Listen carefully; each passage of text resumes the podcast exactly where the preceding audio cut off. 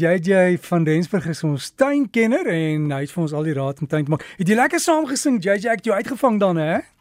Daar's 'n definitiewe mandolientjie.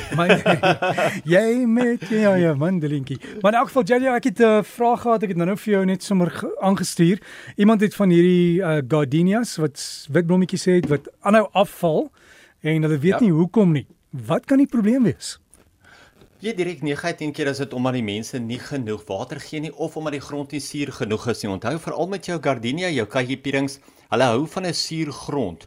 So as jou grond nie suur genoeg is nie, dan gaan hy heel eers van al sy blommetjies afgooi. Dan moet jy ook seker maak dat jy hom gereeld genoeg nat maak om seker te maak dat die ehm um, dat dat die plant self die blomme kan onderhou en dan laaste enetjie wat ek weet wat die mense ook weer probleme op die oomblik het is die kewers. Daai stinkgoggas is ook baie keer onder op die stammetjies van die plante ehm um, te sien en dan moet mense as hulle wel daar is dan moet mense hulle net behandel en so kan 'n mens dan van die probleem ontslaa raak. Maar hulle sit gewoonlik op die blomstingeltjie self sal jy sien vreet hulle eintlik daai blomstingeltjie heeltemal weg. En dit is dan hoe 'n mens dan as jy van hulle ontslaa raak, dan weet jy sommer jou blomme sal bly. Ja, dan moet jy maar personeelvergadering roep en vir hulle sê genoeg is genoeg. as hulle gaan luister. as dit maar net sou werk, maar JJ, jy het 'n hele lys van dinge wat ons nou in die tuin moet doen, hè? Daar sê Dirk, as jou somertuin nou vol in blom is, is dit nou die tyd om te verseker dat dit so sal bly. Jy sou sien teen in die saailinge al laas lente geplant het en as jy nie gereeld gevoer het nie, sal jou grond by nou al dor wees, so jy sal moet weer voer. Met vinnig groeiende plante en plante wat baie blomme vorm, soos byvoorbeeld jou saailinge, jou rose en jou hibiskusse, ek weet laasweek het ek gepraat van die rose, moet 'n mens gereeld voer. Nou met al drie kan 'n mens elke 8 weke of so 8 en 5 neergooi wat natuurlik lekker hoog is in kalium vir blomontwikkeling, maar ook hoog is in stikstof vir blaarontwikkeling. Maar vir alles wat kom by saailinge, dan moet mense ook nog weekliks byvoeding met oplosbare kunsmis gee vir vinnige effektiewe effektiewe resultate. So onthou nou maar, as jy saailinge het, moet mense dit meer gereeld met 'n oplosbare bemesting gee of voer, dan weet jy ten minste dat dit die plante die ehm um, die kunsmis baie vinniger gaan absorbeer en dit hierdie plant gaan sprei en natuurlik dan vir jou baie beter blomme gee. As jy impatiens of jou begonias nou baie lank geword het en dit begin omval, ek weet met al die reën wat ons oor baie gedeeltes van die land gehad het, is dit gewoonlik die probleem hierdie tyd van die jaar dat die saailinge baie lank word en hulle begin oral omval. Dan kan 'n mens daai plante so om by 2 of 3 duim bo die grond afsny sodat hulle weer kan uitloop en binnekort weer vir jou in blom kan wees. So begonias, impatiens, daar's nog baie meer uh jou Josef skleet is 'n ander voorbeeld wat mense dan kan kyk. Dan kan 'n mens hulle eenvoudig net terugsny en hulle sal weer vir jou uitgroei. Ek weet ook dit is so baie mense hulle plante laat oorwinter is wat hulle hulle terugsny, lekker bedek met strooi of iets van daai aard en dan na die winter groei hulle weer uit. Maar onthou ons is op oomblik in die somer, so ons wil hê dat ons nou nog blomme uit hulle moet kry, nog nuwe groei uit hulle moet kry en ons wil ontslaa raak van daai lang bene. So sny hulle nou soos ek sê 2 of 3 duim bo die grond af en dan kan hulle weer pragtig sterk uitloop en binnekort vir jou blommetjies gee. So ek nou die perfekte tyd om jou grasperk aan te plant of reg te maak. Nou, as jy kolle op jou grasperk het waar jy moet vervang of as jy nuwe gras met saad of kusgras wil aanplant, is dit nou die tyd om dit te doen. Om nuwe gras te plant, moet 'n mens natuurlik die area reg voorberei. Gelukkig hoef mense nie kompos baie diep in te spit nie, want gras se wortels groei nie baie diep nie. So, daar kan 'n mens omtrent so 10-15 cm in die grond ingaan met kompos en dan natuurlik ook 'n superfosfaat of selfs 'n beenmeel vir wortelontwikkeling. Maak seker ook as jy dit nou ingespit het dat jou kom dat jou gras op die regte hoogte gaan wees nadat jy dit geplant het en plant jou gras. Dan is dit baie belangrik nadat jy jou gras geplant het, moet jy elke dag goed nat gooi eh, vir ten minste die volgende 2 weke nadat jy dit geplant het.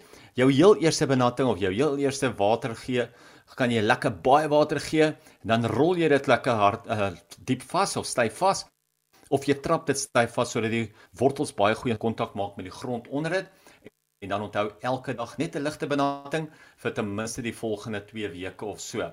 Uh natuurlik nou as dit lekker baie reën uh in jou omgewing help dit ook baie so dan is dit 'n goeie tyd om dit te doen dan hoef jy nie so baie water te gee nie. Mens moet ook glad nie jou nuwe gras sny vir die eerste ten minste 4 tot 6 weke nie. Los hulle net sodat hulle net eers kan wortel, net eers kan vestig en dan kan jy hulle daarna 'n bietjie sny.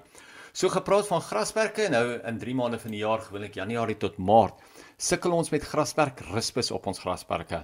Nou die rispus lewe gewoonlik op die grondvlak en 'n mens sien dat die gras die grasperk los stukke het en die gras um, vrek ook weg in sulke kolle. As jy nie seker is of jy die probleem het of nie, kan jy 'n baie maklike metode doen. Jy kan 'n nat handdoek vat waar jy die rispus vermoed en jy kan die nat handdoek daar neer lê dwars deur die aand en dan die volgende oggend as jy dit oplig, dan behoort jy te sien presies watter insekte in jou grasperk lewe en watter insekte eintlik 'n probleem is. In erge gevalle kan 'n mens letterlik op jou knieë gaan, die grasblaaie van mekaar wegtrek en so ook die rispus sommer maklik raak sien en identifiseer. Maklikste manier om daai rispus te dood is deur insektepoeiers oor die grasperk uit te strooi en liggies in te water. Nou sodra mense dit sê, dan vra mense altyd wat van aardwurms? Ja, hulle sal ongelukkig ook in die slag bly, maar gelukkig aardwurms lê verskriklik baie eiers en hulle broei baie vinnig uit. So hulle sal weer baie vinnig vir jou jong aardwurms verseker wat vinnig gaan ontwikkel. So dit is darm nie 'n groot probleem nie. En ek sê altyd vir die mense, doen dit gewoonlik in die laatmiddag, in die aande, dan weet jy dat teen die tyd wat daar so weer voeltjies en so op die grasberg is, is dit net dooie wurms en die voeltjies vreet nie sommer dooie wurms nie. Nou almal soek altyd 'n bietjie kleur in die tuin en wat nou beter as om 'n kleurvolle grondbedekker en al daai kol kalkolle te plant? Ons plant van die week vir hierdie week is dan net die antwoord, die Evolvulus Blue My Mind. Dis 'n laaggroeiende netjiese grondbedekker wat grysgroen blare het en pragtige donkerblou blommetjies dra. Nou ek weet ons inheemse convolvulus is baie dieselfde.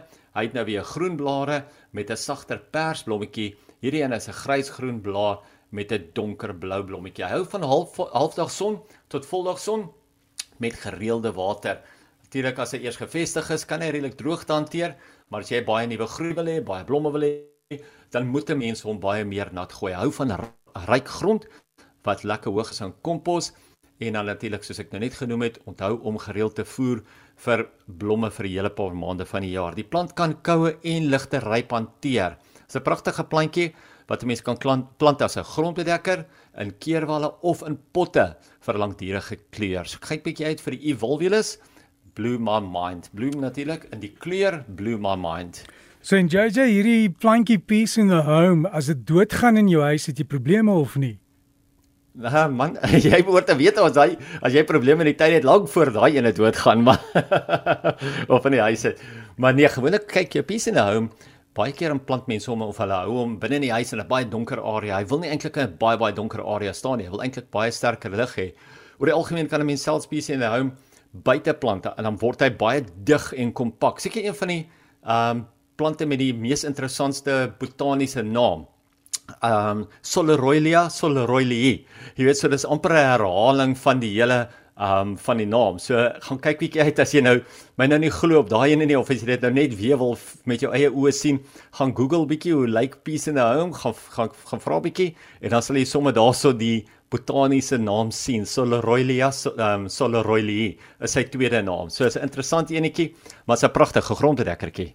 Voorspoed en vrede vir jou JJ en 'n lekker naweek en ek hoop jy werk nie te hard nie. Daar is hy definitief glad nie. Jy moet 'n lekker naweek hê. En ons gaan die hande bietjie vuil kry in die tuin spring en orde skep na 'n lekker vakansie.